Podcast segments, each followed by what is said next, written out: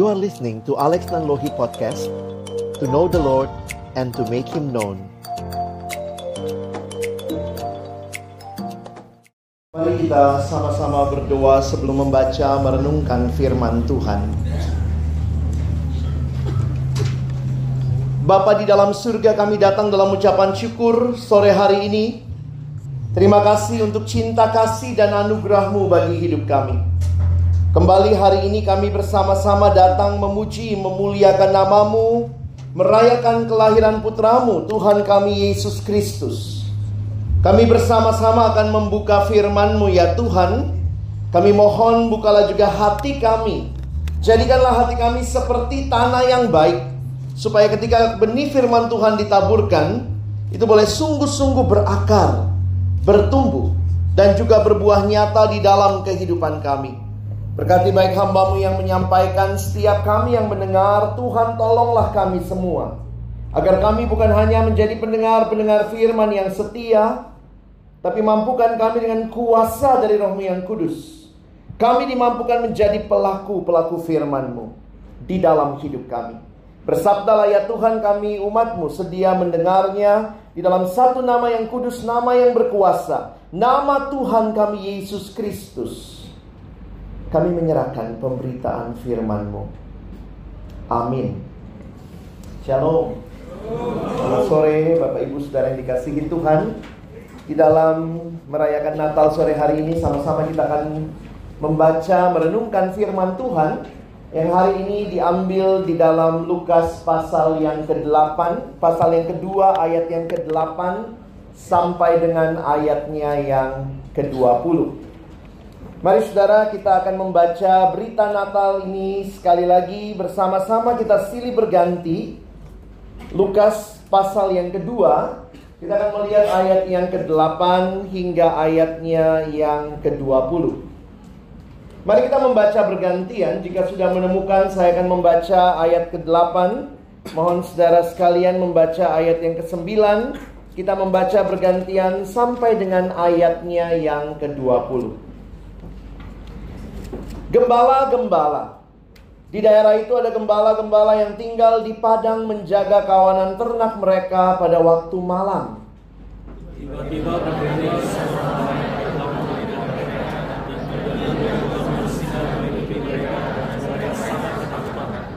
Lalu kata malaikat itu kepada mereka, "Jangan takut, sebab sesungguhnya aku memberitakan kepadamu kesukaan besar untuk seluruh bangsa."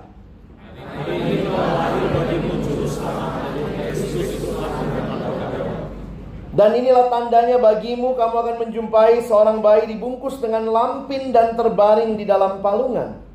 Tiba-tiba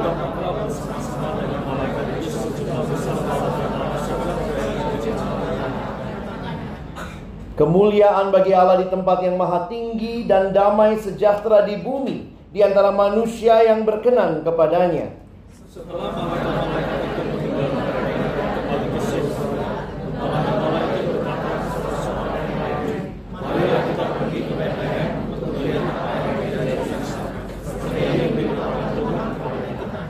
Lalu mereka cepat-cepat berangkat dan menjumpai Maria dan Yusuf dan bayi itu yang sedang berbaring di dalam palungan.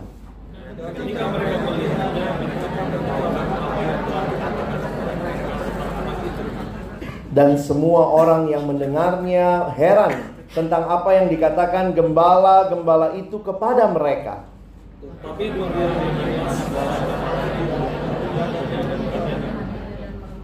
Maka kembalilah gembala-gembala itu sambil memuji dan memuliakan Allah karena segala sesuatu yang mereka dengar dan mereka lihat semuanya sesuai dengan apa yang telah dikatakan kepada mereka. Saudara yang dikasihi Tuhan, kembali kita merayakan Natal. Saudara, ini bukan cuma rutinitas tahunan. Mungkin this is a very early Christmas, tapi maknanya tetap penting untuk kita sama-sama. Tanggal 25 masih lumayan jauh, tapi pertanyaannya, waktu Natal hal apa saja yang saudara ingat pada saat merayakan Natal? Kalau kita pergi ke mall sekarang, pergi ke banyak tempat, mungkin ini yang menjadi gambaran yang ada di sekitar Natal. Tidak heran banyak orang merayakan Natal, mall penuh dengan suasana Natal, but they don't really know what is the Christmas all about. Apa makna Natal bagi saudara dan bagi saya? Natal artinya lahir, ya. Natal artinya lahir. Nah, siapa yang lahir pada waktu Natal? Ya, ini bukan Santa, bukan Olaf, gitu ya. Frozen. Tetapi ini hari lahirnya atau kita memperingati kelahiran dari Yesus Kristus. This is Jesus birthday. Ada kalimat yang berkata, "What is the most important thing about Christmas?" The most important thing about Christmas is the first six letters. C H R I S T. Because Christmas without Christ tinggal mas, mas, mas. Kita sedang bicara Christmas. So Jesus should be the center of our Christmas. Saya senang kumpul gambar. Picture speaks a thousand words. Christmas is empty without Jesus. And Jesus supposed to be at the very heart of our Christmas. Hari ini kita fokus melihat dua bagian ayat 10, 11, 12. Ada tiga ayat maksud saya ya. Mari kita lihat sama-sama dan kita melihat apa yang Tuhan mau sampaikan melalui bagian yang kita fokus pada hari ini. Saudara perhatikan kembali saya menuliskan dua ayat ini di depan. Ayat 10 dan 11. Hari ini telah lahir bagimu juru selamat yaitu Kristus Tuhan di kota Daud. Dan ayat yang ke-12 dan inilah tandanya bagimu. Kamu akan menjumpai seorang bayi dibungkus dengan lampin dan terbaring di dalam palungan. Lihat kembali ayatnya. Menarik sekali dikatakan oleh malaikat, "Jangan takut, sebab sesungguhnya aku memberitakan kepadamu kesukaan besar untuk seluruh bangsa."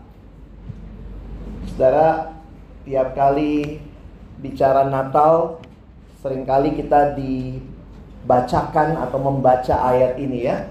Malaikat menyampaikan berita. Memang ada yang unik saudara ya.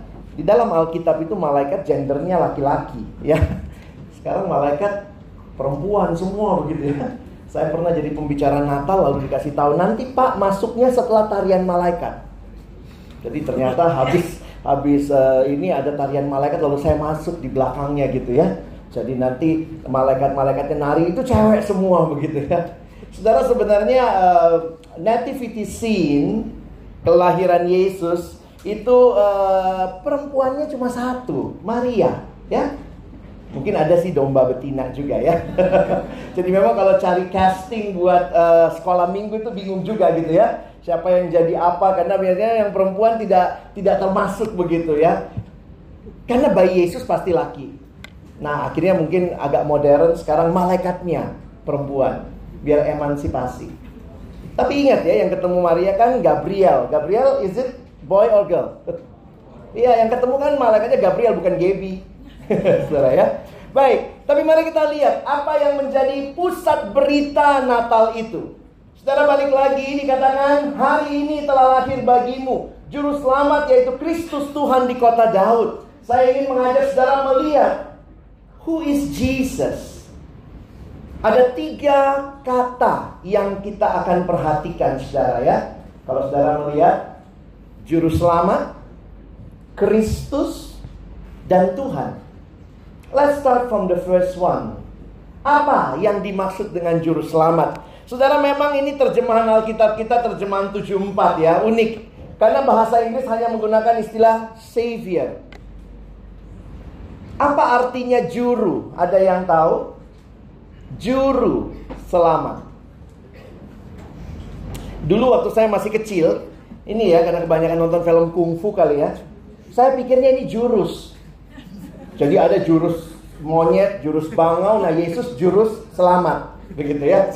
Tetapi ini bukan jurus saudara. Juru di dalam ayat, di dalam bahasa Indonesia, juru itu berarti orang yang ahli.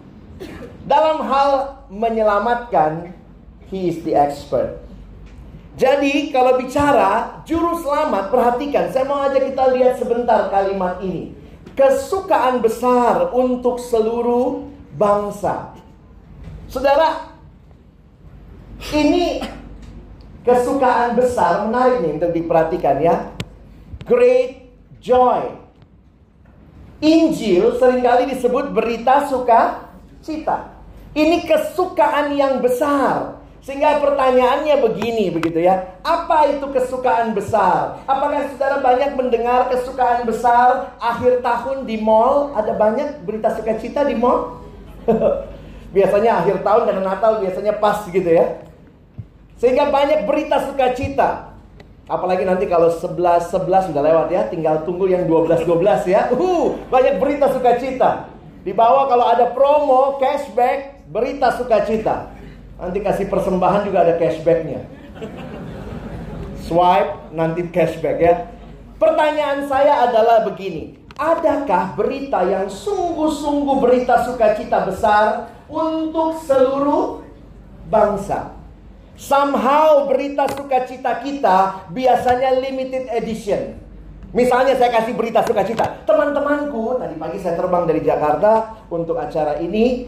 Nanti saya harus terbang kembali ke Jakarta. Saudara, mungkin saya bawa berita. Beritanya begini. Hai teman-teman, ujian akhir ditiadakan. Woi, berita sukacita? sukacita, tapi dengar dulu. Di kampus UPH Jakarta. Ya, itu berarti berita sukacita sering kali very local. Berita sukacita sering kali very limited. Tapi perhatikan Alkitab berkata berita malaikat ini berita kesukaan besar bagi seluruh bangsa. Berita diskon ya, diskon 50% off. Kalau saudara punya duit, puji Tuhan gitu ya. Udah tunggu setahun, itu berita sukacita. Kalau nggak punya duit, lu mau on ke, lu mau off ke, bodoh amat. Jadi pertanyaannya, Adakah berita sukacita besar untuk seluruh bangsa? Somehow harusnya begini.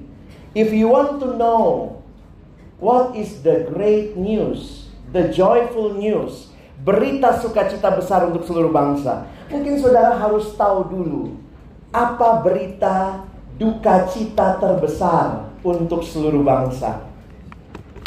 Karena kalau saudara nggak tahu berita duka citanya, dikasih berita sukacita pun saudara nggak kebayang. What is this for? Tapi kalau saudara memahami, Alkitab punya berita sukacita besar. Tapi ternyata Alkitab juga bicara berita duka cita terbesar di bawah kolong langit ini. Berita duka citanya Roma 3 ayat 23. Semua manusia berdosa dan kehilangan kemuliaan Allah. Karena itu Alkitab mengatakan Roma 6:23, upah dosa adalah maut.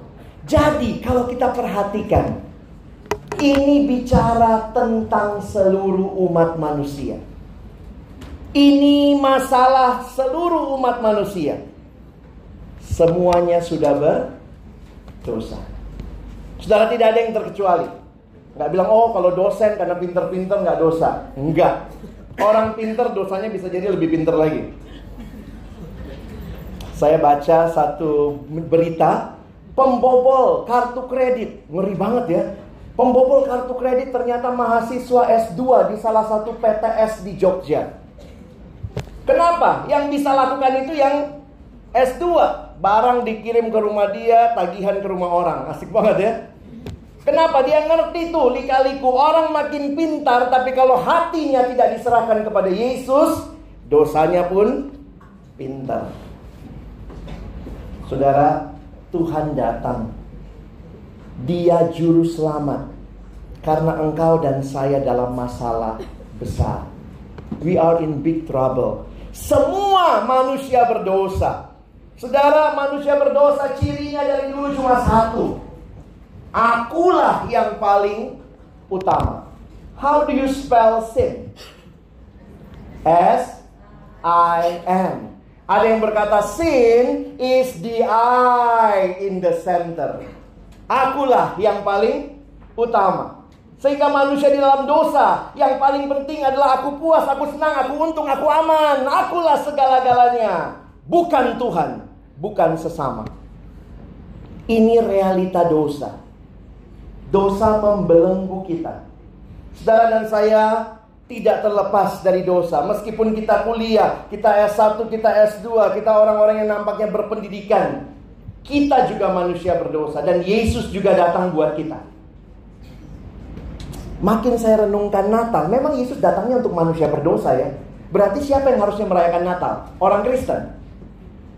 Semua manusia berdosa. Yesus waktu turun dari surga tidak pernah pakai papan besar. Maaf untuk kalangan sendiri. Itu kita yang bikin papannya, saudara. Dia datang untuk semua manusia berdosa karena manusia sudah dibelenggu di dalam dosa. Apa gambarannya? Gambarannya keterikatan.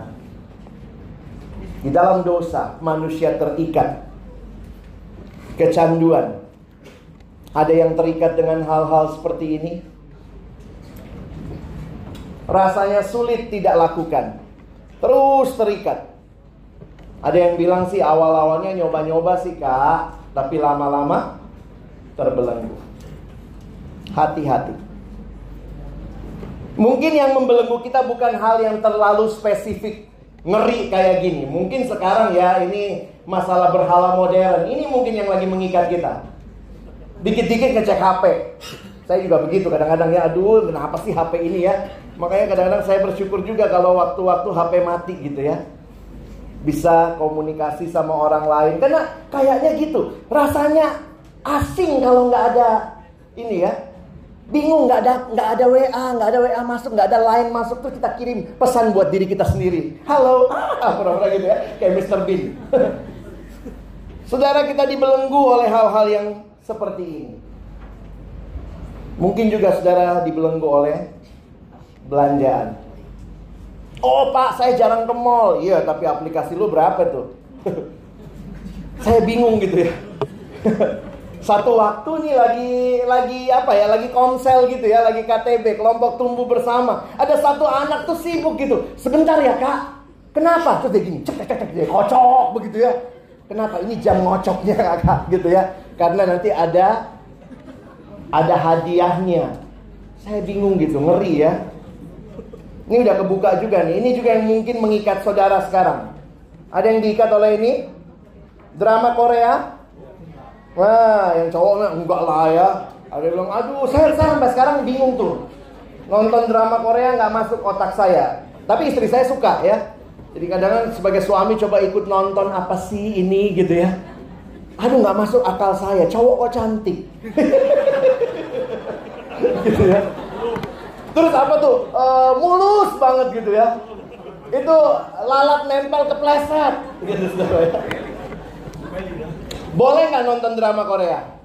Boleh. Masalahnya adalah kalau saudara terikat. Sehingga harga diri kita seolah-olah kita sudah nonton berapa drama. Lu udah nonton ini belum? Lu udah nonton ini belum? Gua dong udah. Terus kenapa?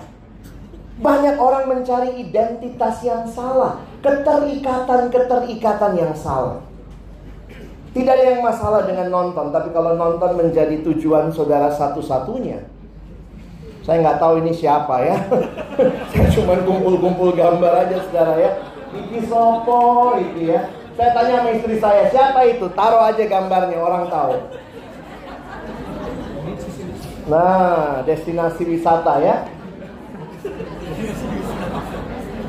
Bukan cuma itu, saudara ya. Nah, ada juga yang terikat sama hal-hal seperti ini. Nah, bukan cuma cewek, cowok juga gitu ya.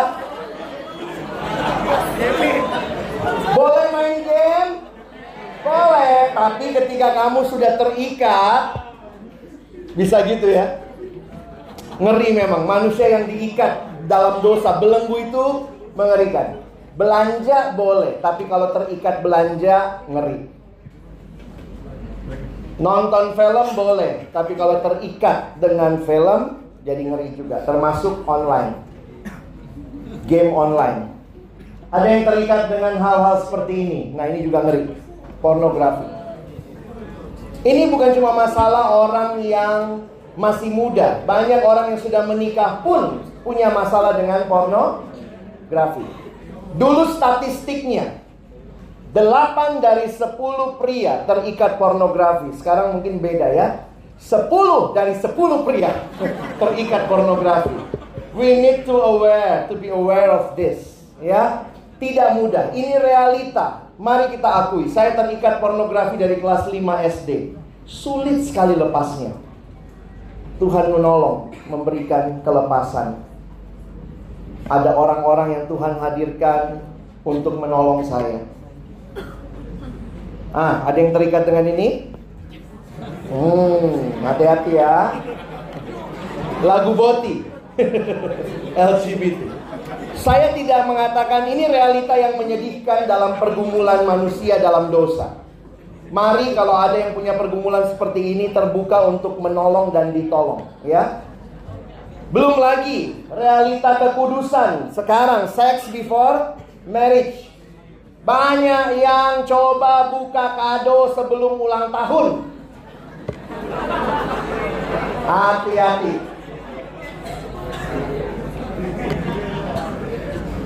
Belum lagi. Nah, ini realita-realita yang menyedihkan ya broken relationship. Saya pikir tidak kebetulan kita merindukan pemulihan di tengah-tengah keluarga. Karena salah satu yang jadi masalah juga itu adalah keluarga. Sehingga banyak anak-anak yang tumbuh dengan sulit mengampuni. Sorry ya, ini jadi cepet banget ya. Ah, sulit mengampuni jadi akar pahit. Kalau kau hidup dengan kepahitan, ingat dari kepahitan lahir ini semua ya. Marah, murka, sulit mengampuni, sulit menerima orang lain. Ada satu anak yang saya layani dia bilang gitu ya, ini anak dari kepahitan juga. Dia bilang, "Kok mama gua cerewet?" Saya karena dia datang sama saya habis retret, dia bilang, "Kok gimana nih? Saya di rumah, saya banyak layani anak SMA Saudara ya dia, dia bilang, saya udah nggak ngomongan sama mama. Berapa lama? Baru juga dua minggu. Hah? Dua minggu? Iya. Terus di rumah bagaimana? Ya begitu kok. Gitu gimana? Kalau mama lewat sini, saya lewat sana. Terus uang jajan lu nggak tahu tuh ada aja di di meja tiap pagi. Dalam hati saya mama lu masih baik gitu ya. Terus kemudian anak ini komplain. Saya bilang, jadi dia tanya sama saya, jadi saya mesti ngapain kok? Saya bilang pulang red-red, minta maaf sama mama. Tapi menyokap gue yang salah duluan. Jadi gimana kok? Pulang, minta maaf sama mama. Tapi mama gue ya kok, kalau dia begini, begini, begini, begini. Jadi gimana kok? Pulang, saya bilang dia budek atau apa ya? Pulang, minta maaf sama mama. Terus saya ingat banget dia, tapi mama gue cerewet kok. Dalam hati, pantas turun ke lo. Cerewet banget anak. Ingat ya, somehow kita tunjuk loh, cerewet. Nih ada tiga yang nunjuk ke sini. Di dalam dosa tidak ada yang baik. Akibatnya ketidakpastian rasa bersalah, kekosongan, frustasi, keterikatan. Ada yang bilang saya bebas melakukan yang saya mau. Dosa bukan membebaskan kamu, tapi dosa mengikat kamu. Ada yang bilang, oh saya cuman sekedar ini kok ikut-ikut ngerokok. Saya bilang, awas kamu terikat. Enggak kok kok. Saya bilang, oke okay, kalau kau nggak terikat, tinggalkan rokok sekarang. Susah kok. Itu namanya terikat goblok. Bodoh banget. Ingat, sorry. Saya harus bicara dengan jujur. Dosa membuat kita goblok. Bilang sama temennya, dosa bikin kita goblok. Kita, kita ya, jangan kau. Kita, kita. Ini yang terjadi. Coba di samping di samping apa tuh? Di samping rokok kan ada tulisannya. Apa nggak bisa baca? Ada siswa saya tanya, kenapa kau ngerokok? Iya kok biar dibilang jantan. Eh kau ayam ya? Kok jantan? Saya bilang itulah ngeri ya. Akhirnya Kelihatan tuh tulisannya bisa besar. Coba saudara jadi Tuhan ya. Sebentar jadi Tuhan ya. Gimana tidak pusing jadi Tuhan? Doanya gini, Tuhan kasih saya kesehatan, tapi rokok jalan terus. Gimana coba? Tuhan mau nolong gimana juga? Tuhan, berikan saya kekudusan hidup. Film porno download terus. Internet kenceng, puji Tuhan, puji Tuhan. Lagi, lagi. Ngeri. Alkitab berkata upah dosa adalah maut. Dan ini ya. Sin dosa akhirnya cuma hopeless end. Karena itu, saudara dan saya butuh juru selamat. Itu yang kita rayakan waktu Natal. Makna Natal adalah ada seorang pribadi yaitu Allah sendiri yang datang menyelamatkan saya dan saudara dari dosa. Waktu pertama kali dapat gambar ini, saya terharu. Waktu saya ngerti, saudara kalau lihat dengan baik, ini kalau googling judulnya Peter drowning, Petrus tenggelam. Jadi ini gambarnya sebenarnya Petrus itu dari sudut pandang dia tenggelam, lalu yang di luar air itu Yesus mengulurkan tangan. Jangan pikir Yesus yang tenggelam ya. Kalau lihat loh. Nih kalau lihat gambar Pak hati-hati. Jadi ini Petrus lagi tenggelam begini lalu dari sudut pandang dia lihat Yesus di atas air. Kenapa begitu saudara? Karena saudara dan saya bukan juru selamat. Kita butuh Tuhan Yesus. Manusia tidak dapat menyelamatkan dirinya sendiri. Manusia yang melakukan dosa, tapi solusinya dari siapa? dari Allah. Jesus Christ, the God solution. Sin is our problem, but the solution is from God. Karena itu perhatikan lagi. Searching for the answer to life, Jesus. You have found him. Cari di mana ini keyboard S-nya dua begitu ya. Demi kepentingan ilustrasi. ah, baru sadar saudara ya. Jangan lupa ya, tambahin di situ. Ya, lihat ayat ini. Tadi kita sudah saya sudah jelaskan. Kita baca sama-sama ya. Satu dua ya. Ia akan melahirkan anak laki-laki dan engkau akan menamakan dia Yesus karena dialah yang akan menyelamatkan umatnya dari Yesus datang untuk menyelamatkan umatnya dari dosa. Ini satu tujuan yang sangat jelas. Karena itu ada satu dekorasi Natal yang tidak pernah saya lupa sepanjang hidup. Itu dekorasi paling sederhana, tapi paling bermakna yang saya ingat. Dia bikinnya apa saudara? Dia cuma bikin begini kira-kira. Ini saya gambar ulang ya. Di sudut kanan panggung dia bikin palungan. Di sudut kiri panggung dia buat Golgota. Lalu dia bikin jalan. Mau menyatakan betul yang lahir itu cuma punya satu tujuan menyelamatkan umat dari dosa.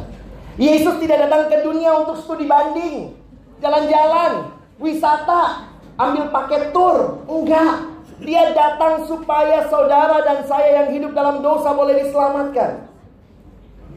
Saudara ingat Waktu dapat siluet ini menarik ya. Ini siluet dari Yesus lahir sampai dia bangkit. Tapi di mana dia berkata sudah selesai? di kayu salib. Yesus nggak bilang udah selesai di palungan ya. Kalau dia bilang di palungan lari tuh gembala ada ngapain ngomong tidak selesai lari tuh gembala. Kok ada bayi bisa ngomong gitu ya? Yesus tidak bilang sudah selesai, habis dia kasih makan 5000 orang, lalu dia bilang sudah selesai. Tidak. Kalau Yesus datang cuma buat kasih makan, sudah selesainya habis kasih makan. Kita nggak selamat, gendut iya. Yesus tidak bilang sudah selesai, habis dia jalan di atas air. Sudah selesai. Emang buat akrobat dia datang. Dia mengatakan sudah selesai di atas kayu salib. Menunjukkan dosamu dan dosaku. Dia selesaikan. Yesus bayar harga yang sangat mahal untuk penebusan kita.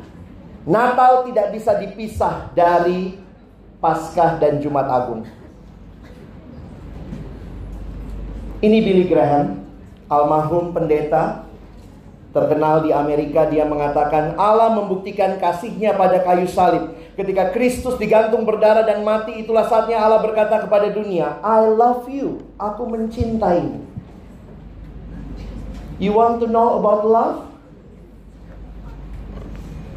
If we are looking for a definition of love, we should look not in a dictionary, but at Calvary. Saya senang kutipan ini ya. Ini bisa jadi like this. Bukan di dictionary. Jesus prove it. God is love? Jesus prove it. Kalau orang Korea sekarang ditanya, anak sekarang gitu ya, gimana love, gimana love, gini love, love ya, sarang, sarang, sarang semut, sarang tawon ya, masuk semua. But you know what? This is not love. This is not love for Christians. This is love. Saudara dan saya punya juru selamat. Dia datang buat kita. This is love. Yang kedua, dia adalah Kristus. Pertama dia juru selamat, yang kedua dia Kristus. Apa sih Kristus? Coba lihat sebentar ya.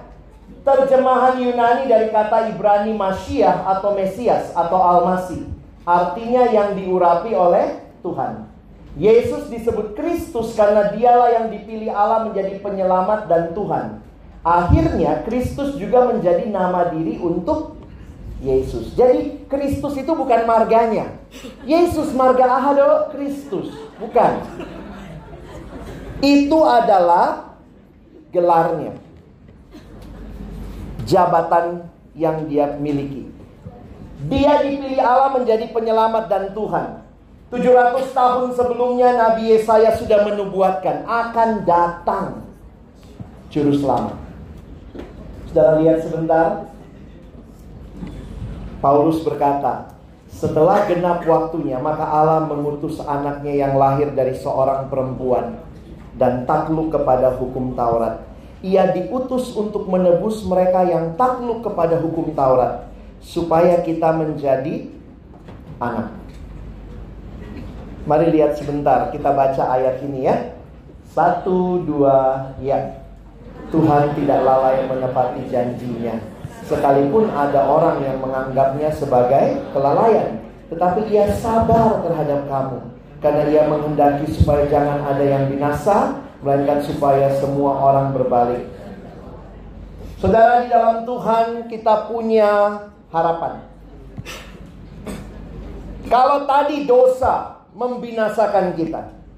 Maka hidup tanpa pengharapan adalah hidup yang sangat mengerikan.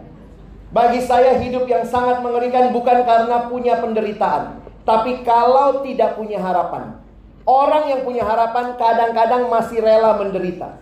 Paling ngeri tidak ada pengharapan. Dan perhatikan, Alkitab menyatakan kepada kita, Allah menepati janjinya. Kristus itu berarti Mesias yang dijanjikan 700 tahun sebelumnya lahir. Pengharapan kita bukan dari dunia, bukan dari manusia, tapi hanya dari Allah. Tadi bicara juru selamat, bicara keselamatan kita. Dari siapa? Dari Allah. Bicara Kristus, ini bicara pengharapan kita. Dari siapa? Dari Allah. Saya senang dengan kutipan Rick Warren berikut ini. Jesus turns our hopeless end into endless hope. Kiranya saudara mengalami, saya tidak tahu keputusasaanmu apa saat ini. Mungkin kita putus asa karena kondisi keluarga. Kita putus asa karena kondisi kesehatan kita But remember, Jesus turns your hopeless end into endless hope. The last point. Juru selamat Kristus Tuhan. Istilah Tuhan menarik saudara. Karena istilah Tuhan terkait dengan dua istilah bagi saya di dalam Alkitab. Alkitab menggunakan istilah yang pertama, pencipta. Contohnya begini. Kalau saya cipta benda ini, maka benda ini begitu dicipta punya siapa? Punya yang cipta. Berarti siapa yang harusnya benda ini layani? Penciptanya. Siapa yang jadi Tuhannya benda ini? Penciptanya. Jadi, the creator dialah yang harusnya jadi Tuhan. Saudara bisa paham itu ya? God the creator. Kadang-kadang manusia ini sombong ya, merasa tidak butuh Tuhan. Tapi lihat kalimat ini. God without man is still God. Benar ya? But man without God is nothing. Saudara ingat dia pencipta. Dialah segala-galanya. Kalau dia pencipta, dia harus jadi Tuhan. Tapi istilah kedua yang harus kita pakai istilah ini, penebus. Saudara, kalau penebus begini ya, itu istilah pasar. Kalau ada sebuah benda terjual tergadai, apa artinya ditebus? Dibayarkan sejumlah uang atau ditukar barang supaya benda ini kembali jadi milik. Jadi lihat ya, di dalam konsep penciptaan ada konsep kepemilikan. Di dalam konsep penebusan ada konsep kepemilikan. Dicipta itu punya yang cipta. Ditebus itu punya yang tebus. Dicipta Tuhannya adalah yang mencipta. Ditebus maka Tuhannya adalah yang menebus. Abraham Kuyper mengatakan kalimat ini.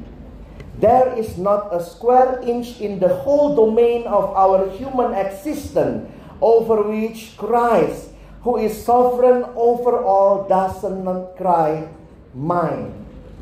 Kalau betul dia Tuhan, maka seluruh inci hidupmu is not yours, it's His. The Christ is either Lord of all or He is not Lord at all. Makanya kalau kita rayakan Natal, kita alami dia juru selamat. Thank you Lord. Dia Kristus, ada pengharapan. Pulang dari sini punya pengharapan. Thank you Lord. But remember, you are not the Lord of your life. Serahkan kendali hidup sepenuhnya kepada Tuhan yang sesungguhnya. Bukan aku tuannya, tapi Yesus Kristus. Saya kaget, Yesus mau jadi nomor berapa sih di hidup kita? Kita bilang ya, oh jadi nomor satu. Enggak, saudara ya. Saya senang dengan kalimat Kyle Idleman. Dia mengatakan, Yesus tidak mau jadi nomor satu dalam hidup kita. Dia tidak mau, dia mau jadi satu-satunya. Maksudnya apa? When you put Him at the very center of your life, then everything else will be put in order. But if you put Him only number one, then still matters number two, number three, number four. But if you put him at the center, he will order the whole thing for your life. Berarti Natal artinya apa? Natal itu kayak Tuhan mau bilang sama manusia, lu kagak bisa selamatin diri lu sendiri. Stop cari-cari keselamatan, tapi terima keselamatan karena dia sudah datang. Ada satu judul buku yang saya pikir mewakili hal ini. Dia bilang begini, Natal itu the end of me gua habis selesai. It's not me. It's all about him. So, kita masuk respon ya. Bagaimana seharusnya kita merayakan Natal? Ada lagu yang orang suka nyanyi waktu Natal ya. Jadi ada yang nanya, bagaimana Pak merayakan Natal? Ada lagunya kan udah bilang begini. Hai dunia, gembiralah dan sambut rajamu. Di mana sambutnya? Di hatimu terimalah Joy to the world, the Lord is come. Let earth receive her king. Di mana? Let every heart prepare him room. Natal itu tentang Yesus karena itu buka hatimu, terima dia. That is the real Christmas. Sedihnya banyak orang nggak ngelihat Natal itu Kristus yang dilihat makanan. Jadi saya pernah ikut Natal lalu MC-nya bilang begini, sudah selesai semua acara dia bilang, baik saudara, kita tiba pada acara puncak kita malam ini, yaitu makan malam bersama. Ya ampun, bukan khotbah puncaknya, makanan. Kalau begitu ganti lagunya, Hai dunia, gembiralah dan sambut makanan di perutmu. Terimalah makanan yang banyak, makanan yang banyak. No, Christmas is about Jesus. So you need to open your heart. Prepare your heart for Christmas. Ada satu lagu yang saya selalu suka waktu Natal ya, karena lagu ini simple sekali. Dia bilangnya begini. Christmas is not so much about opening presents, as opening our hearts. Christmas isn't Christmas till it happens in your heart. Christmas isn't Christmas till it happens in your heart. Somewhere deep inside you is where Christmas really starts. So give your heart to Jesus. You'll discover when you do that Christmas, really Christmas for you. Dapatkan kaset dan CD-nya di toko-toko bangunan terdekat. Kalau ada waktu cari di YouTube ya, lagunya indah sekali. Christmas isn't Christmas till it happens in your heart. So, apa yang harus terjadi? Mari buka hati terima Yesus. Biarlah dia jadi raja satu-satunya. Hidup kita berpusatkan pada Kristus. Ingat, dia juru selamat. Ini kesimpulannya ya. Karena dia juru selamat, maka hidup dalam dosa harus diganti dengan hidup dalam kebenaran. Karena dia Kristus, nextnya susah nih. Ups. Karena dia Kristus, maka hidup dalam keputusasaan harus diganti pengharapan. Dan jangan lupa, karena dia Tuhan, maka hidup yang self-centered harus berubah jadi hidup yang God-centered. I hope you remember three things ya. Orang pulang Natal yang diingat jokesnya, lupa firmannya. Ingat ya, Yesus Kristus Juru Selamat, Kristus dan Tuhan. Karena itu ada komitmen untuk berubah. Apa itu perubahan? Ada hal-hal yang harus ditanggalkan. Ini istilah Alkitab ya, kayak pakai baju. Ada yang ditanggalkan, ada yang dikenakan. Oke? Okay? Mari kita bangun. Saya tulis beberapa ya. Bangun hidup yang berakar dalam firman. Ini tambahkan di hidupmu. Berakar dalam firman. Bangun hidup yang bertumbuh dalam komunitas. Kita nggak bisa hidup sendiri, saudara. Bangun hidup yang berbagi kasih. Thank you. I really appreciate what you have done today. Maybe some of you were downstairs on level 5 ya. Tadi kita lihat bagaimana kita berbagi kasih. Saya waktu lihat anak-anak dari sekolah alam tadi saya cuma bilang Tuhan terima kasih. Mereka berharga. Dan karena mereka berharga, mereka layak terima apresiasi, mereka layak terima kasih dan saya belajar untuk mengasihi. Saya tidak tahu perasaanmu, tapi jujur saya sangat terharu. Belajar berbagi kasih. Hidup bukan cuma tentang dirimu. Kalau dompetmu lagi penuh, ingat, mungkin ada orang lain yang dompetnya kosong. Banyak orang pokoknya dompetnya dipenuhin terus gitu ya. Mari belajar berbagi. Dan saudara mesti hidup berbeda dengan dunia. Dare to be different. Caramu belajar beda. Kalau orang udah ngerayain Natal ya cara belajarnya harusnya beda. Orang udah rayain Natal, cara bekerjanya Bapak Ibu dosen, karyawan itu juga alami perbedaan. Natal bukan cuma buat mahasiswa, buat kita semua. Cara bergaul juga beda. Cara pacaran buat yang sudah pacaran juga beda gitu ya. Saya seneng nih kutipannya. True love waits. Bawahnya yang kecil tuh. Kebaca nggak? Save it until marriage. Jangan buka kado sebelum ulang tahun ya.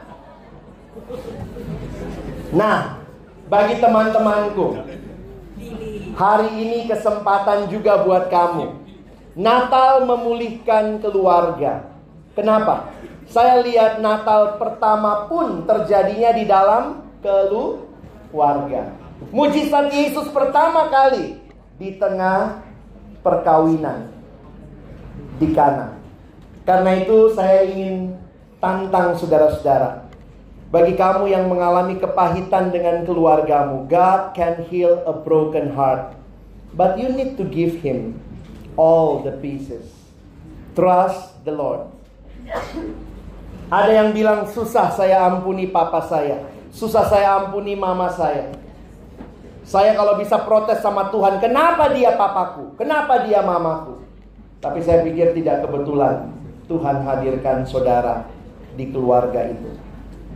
Kalau kau alami Natal, maka bukan hidup dalam dosa, tapi hidup dalam kebenaran. Bukan hidup dalam keputusasaan, tapi sekarang ada pengharapan.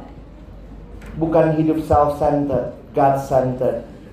God heals the broken-hearted and bandages their wounds. Ini slide terakhir saya. Sometimes God doesn't change your situation because He is trying to change your heart. What about you? Natal bukan tentang saya. Saya dapat apa, saya makan apa, tapi Natal tentang Yesus. Sudahkah dia jadi juru selamat? Kristus dan Tuhan. Dan kalau betul dia juru selamat Kristus dan Tuhan, your life will change and you will be a blessing for others. Di mana mulainya? Start from your family. Di situlah biarlah Tuhan pulihkan kita supaya Tuhan pakai kita memulihkan keluarga, memulihkan lingkungan kampus, memulihkan kota, bahkan dunia. Selamat Natal, saudara. Tuhan memberkati kita. Mari kita. Bapa di dalam surga, terima kasih banyak buat firman-Mu yang kembali berbicara kepada kami. Firman-Mu adalah kebenaran, dan firman-Mu itulah yang kami percaya akan menuntun hidup kami berjalan di dalam kebenaran. Terima kasih karena firman-Mu firman yang kudus dan yang menguduskan. Firman yang tidak berubah, tapi firman yang kami percaya sanggup mengubah kehidupan kami. Biarlah itu yang kami alami di dalam Natal kali ini. Terima kasih seluruh rangkaian Natal kami mungkin berakhir hari ini. Tapi kasih Tuhan yang mengubah hidup kami. Kasih Tuhan yang menggerakkan kami berbagi kasih kepada orang lain. Kasih Tuhan yang menggerakkan kami untuk men menjadi agen pendamai di tengah keluarga akan terus berlangsung. Terima kasih Tuhan. Sekali lagi terima kasih buat Natal tahun ini. Biarlah kami sungguh-sungguh menyadari yang lahir itu juru selamat. Yang lahir itu Kristus. Yang lahir itu Tuhan. Tolong kami merayakan Natal yang maknanya tahun ini bukan berlalu begitu saja, tapi benar-benar kami alami kami bersyukur. Dalam nama Yesus kami berdoa. Amin.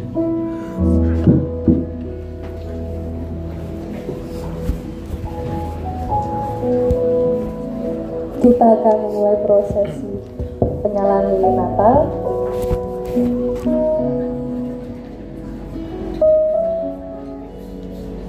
Saya memohon